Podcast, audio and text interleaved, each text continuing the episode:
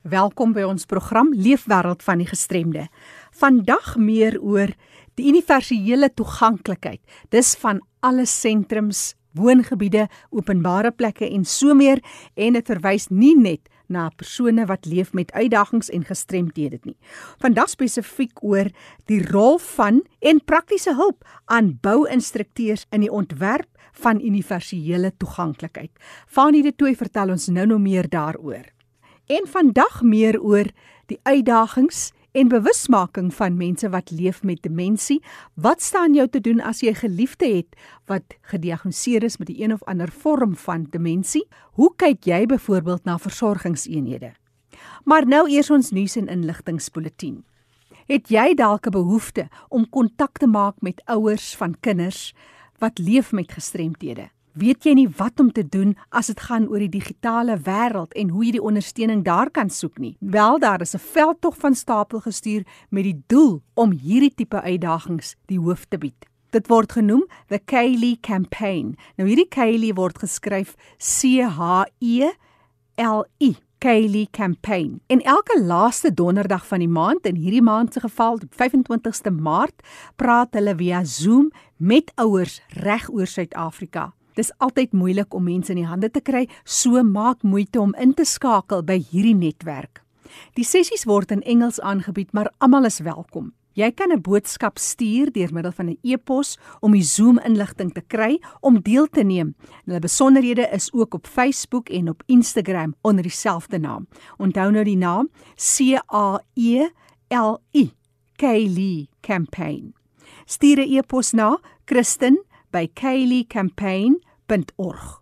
Jy kan ook 'n SMS stuur na 45889. Ek sal graag jou SMS later optel en dan vir jou die besonderhede deurstuur as jy belang sou stel. Huis Horison het 'n nuwe wooneenheid wat hulle bekendstel op die 25ste Maart 2021. Deur die jare is daar altyd waglyste en ook by Huis Horison. Daar's 'n interessante program. Jy kan gaan kyk na die werksaamhede of maak kontak met hulle. By hierdie openingsgeleentheid gesels hulle onder andere oor die toekomsmoontlikhede en die rol van 'n instansie soos Huis Horison in die samelewing. Skakel vir Elsabie van Wyk indien jy belangstel. Hulle is in Stellenbosch 021 887 5080. Ek herhaal Elsabie van Wyk 021 887 5080 of gaan na hulle webtuiste huishorison.org.za. Vir enige terugvoer of navraag kan jy 'n SMS stuur 45889. 'n SMS kos jou R1.50. Ons hoor graag van jou.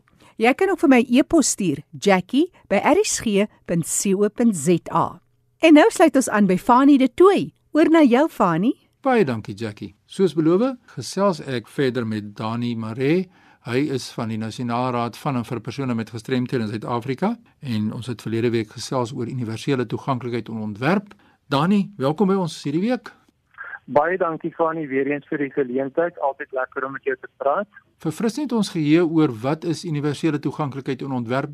Fanie, ja, soos ek laasweek genoem het, was die onderwerp universele ontwerp en toeganklikheid en net in kort universele ontwerp is die manier hoe 'n persoon 'n argitek of 'n ingenieur of 'n professionele persoon enige gebou of produk of diens ontwerp sodat dit toeganklik is vir enige iemand om te gebruik sonder om iets te verander aan dit. So ek praat nie net van gestremde mense nie. Ons praat van mense reg deur jou lewenstyd. Soos jy ouer word, het jy meer behoeftes. Jy mag miskien met 'n kierie begin loop of met 'n kruk of met 'n loopraam of 'n rolstoel tydelik ons neem ook in ag dan byvoorbeeld kinders wat korter is as volwassenes. So dis basies die kruks van universele ontwerp en dan universele toeganklikheid is in praktyk hoe word daai universele ontwerp toegepas in praktyk? Hoe word die gebou gebou? Hoe word die dienste verander om toeganklik te word? Hoe word die produk verander om toeganklik te maak? Maar net belangrik om te noem om by te sê is dat dit sluit nie in jou persoonlike hulpmiddels wat jy nodig het van dag tot dag nie.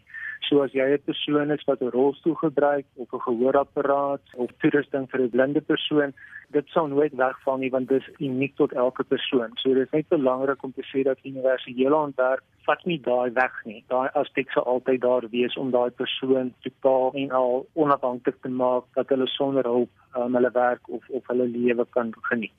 Ja, ek kan ook die luisteraars vra om te luister na die potgooi van verlede week se program want Dani jy het baie duidelik vir ons verduidelik wat word verwag van die mense wat toeganklikheidsassesserings doen en wat hulle moet doen en wat hulle nie moet doen nie. So gaan gerus op verlede week se program luister daarna en dan kan ons uh, ook so die inligting deel met ander mense, maar ons het verlede week beloof dat ons gaan praat oor die bouinspekteur opleiding. Nou wat is dit? Fani, ons het oor al die jare en ek is al 'n hele rukkie in die bedryf het ons 'n groot probleem met die bouinspekteurs wat die geboue afteken nadat dit gebou is.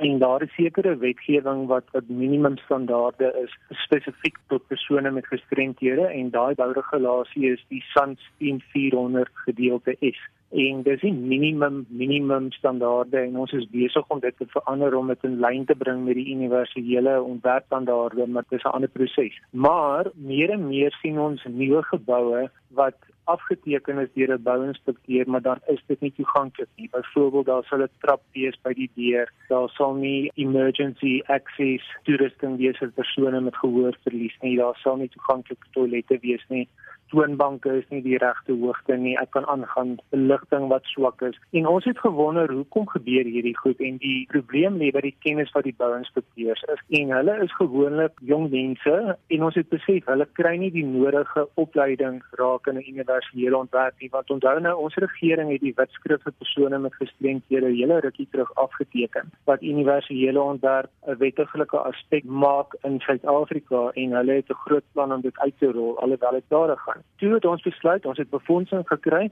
en ons het 'n hele kursus um van scratch af het ons begin. Ons het al die studiemateriaal ontwikkel, die instrukteurs manual ontwikkel en ons het begin met die eerste met die heel eerste sessie met ons bouinspekteurs net voordat die eerste COVID lockdown gebeur het en dit was fantasties geweest. Die mense was so positief geweest en hulle was uitgehonger vir inligting. En tot ons skok het 99% van die bouinspekteurs wat die opleiding bygewoon het, nie geweet van daai wetgewing en van die SANS 10400 wat praat oor die toeganklikheid van persone met gestremthede. So. So hulle was baie verleë geweest en hulle was baie teleurgestel geweest dat hulle nooit daai inligting gekry het nie. So die plan is dan nou um gedurende die COVID situasie, ons ons weet nie wat is die pad vorentoe nie, maar ons is besig om dit aanlyn nou aan te bied omdat die die die aanvraag vir hierdie opleiding is so groot en dis asof daar 'n lig aangegaan het vir die mense wat dit bygewoon het en selfs met ons um, vennote wat ons gehelp het om die bouinspekteurs te identifiseer wat SALGA is en dan is daar organisasie SACPC en die wat amper soos 'n oorkoepelende organisasie wat verantwoordelik is vir bouinspekteurs. So dis nie 'n privaat firma nie, dit is 'n koppel aan die regering. En hulle almal is baie baie positief om ons te help om om om soveel as moontlik bouinspekteurs te bereik.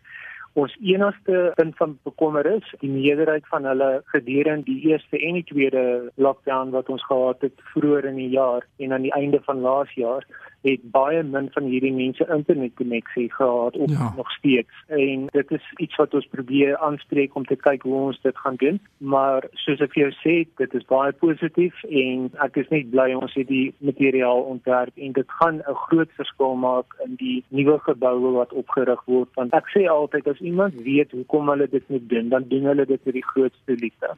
As jy iemand forceer om iets te doen dan is daar 'n struikelblok en hulle wil dit nie doen nie. En ons bied die kursus aan op so 'n mooi manier om vir hulle te verduidelik as ons sê ons soek dit en dit en dit en die rede hiervoor is so ja. en so en so. Ja. En al die materiaal word ook aangebied deur persone met gestremthede wat 'n groter impak maak.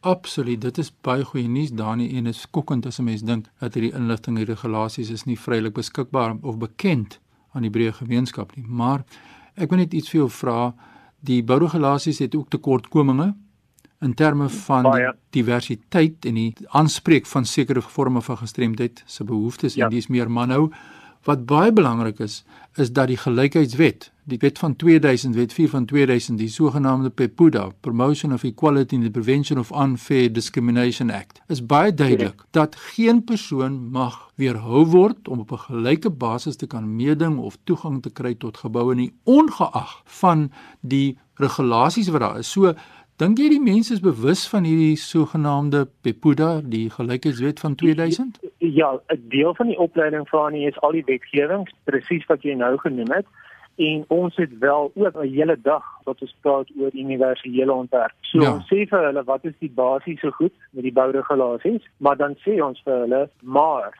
hier is die wetgewing, hier is universele ontwerp dit is wat julle werklik waar moet doen en moet na kyk. So ons gee vir hulle die minimum standaarde wat tans in die bouregulasies is wat besig is om aangepas te word, maar ons praat oor die wetgewing en ons praat oor die universele ontwerp ook. So ons dek dit alles sodat hulle nie net vashak by die bouregulasies. Dani, ons moet afsluit. Uh hier's 'n luisteraar vraag wat sê dat baie keer sê mense hulle gebruik net die gebou. Hulle huur net 'n gebou. Somstyds staatsinstansies Dit is 'n ander departement, departement van publieke werke se verantwoordelikheid om toeganklikheid aan te spreek, maar hulle lewer diens aan die breë gemeenskap en dit ja. is iets wat aangespreek moet word. Ja, geen verskoning vir 'n publieke gebou of 'n publieke winkel wat 'n wat 'n winkel hier om daardie plek nie toeganklik te maak nie, wat wat die regerings um, departemente aanbetref, as hulle reg departement public works is verantwoordelik om daardie plek toeganklik te maak of hulle dit hier en of dit hulle gebou is, maar hulle is verantwoordelik. En snaaks genoeg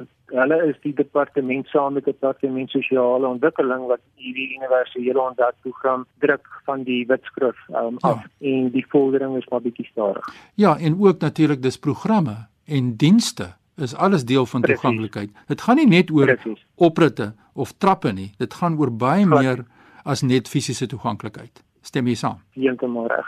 En en natuurlik websites. Natuurlik, natuurlik webtuise. So so baie sake wat ons nog oor kan gesels, maar Dani was lekker om die afgelope 2 weke met jou te kon gesels. Jou kundigheid te kan deel met die breë gemeenskap, dis waardevol. Waar kry mense jou as hulle wil skakel nou aan die hande?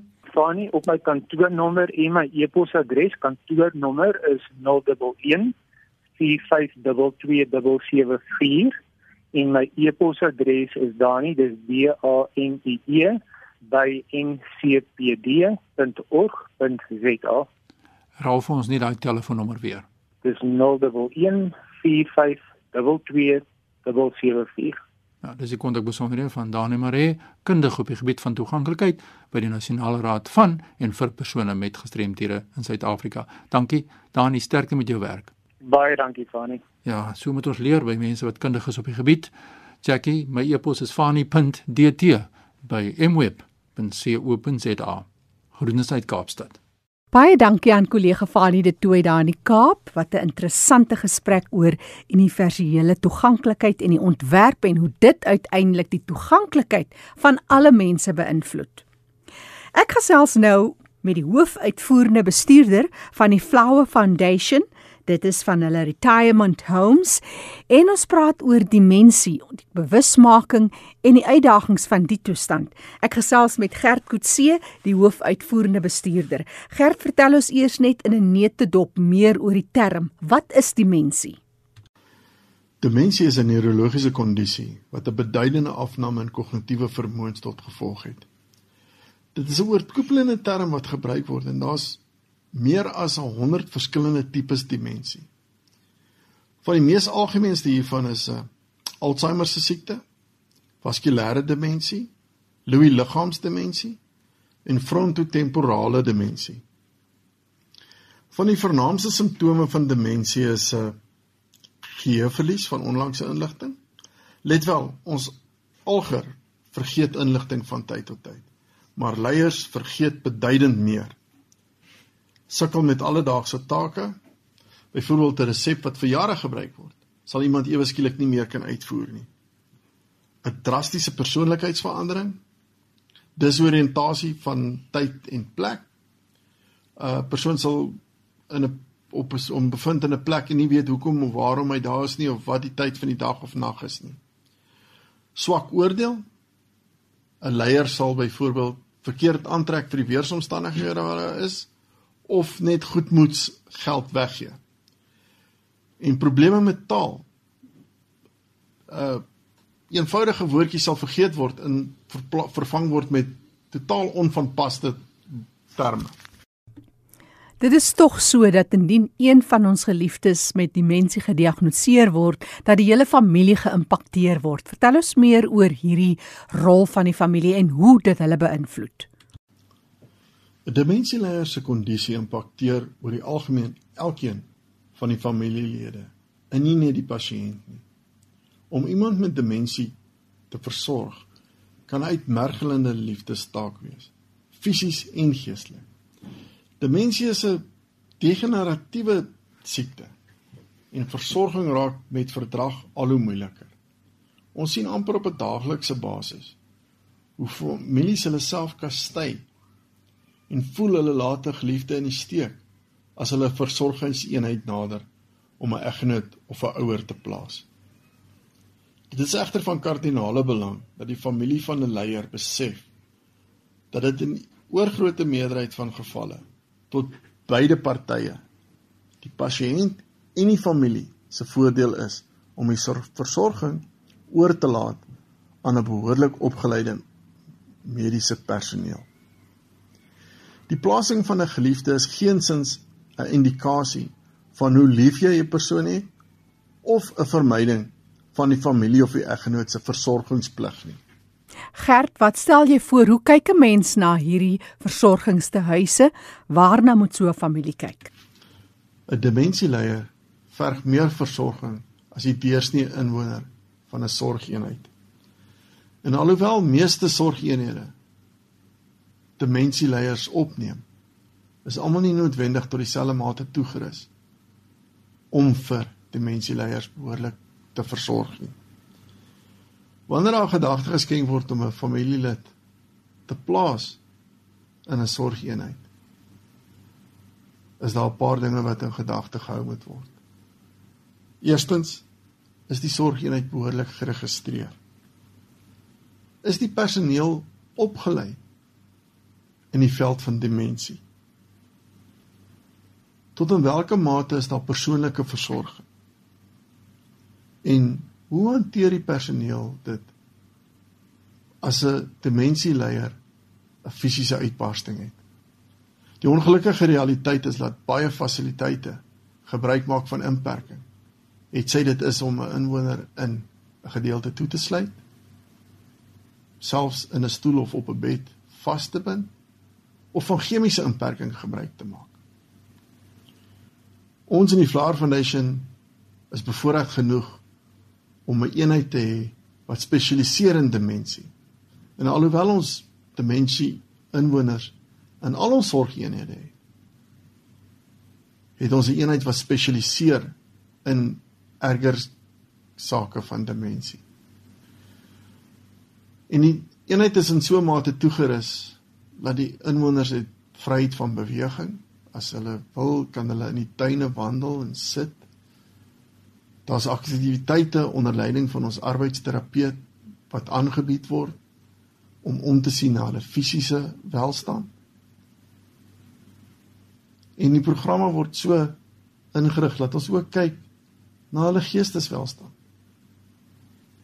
As min dinge wat soveel satisfaksie vir 'n mens gee as om te sien hoe 'n eenvoudige ding soos die speel van stille nag of Jesus min my flikkering in die oog bring. Gert, die groot realiteit wêreldwyd is COVID-19. Mense wat juis leef met hierdie tipe uitdagings is soveel meer blootgestel en aan die ontvangkant, ons is kwesbaar, almal van ons. Hoe hanteer families dit en hoe het julle gesien beïnvloed dit weer eens die verhouding tussen iemand met demensie en hulle geliefdes? COVID-19 en die Grendelstaat was 'n besonderse uitdaging vir alle bestuurders van sorgeenhede. As ou in gedagte hou dat vir die afgelope amper 11 maande wat ons onder 'n grendelstaat is, is vir die meeste daarvan besoeke aan residensiële fasiliteite vir ouer persone en in besonder sorgeenhede streng verbied onder die regulasies. Dis moeilik genoeg om vir 'n inwoner wat kompensmentes is te verduidelik hoekom sy familie nie kan kom kuier nie. Nog meer so vir iemand wat aan demensie ly. En ou moet op geen stadium buite rekening laat die las wat dit geplaas het op die familie van mense wat aan demensie ly nie. Soos reeds voorheen genoem, is daar partymal 'n skuldgevoel omdat 'n geliefde geplaas is in 'n sorgeenheid. En nou het jy ook glad nie toegang tot hulle nie. Ons het gevind dat dit 'n besonderse las geplaas het op die families.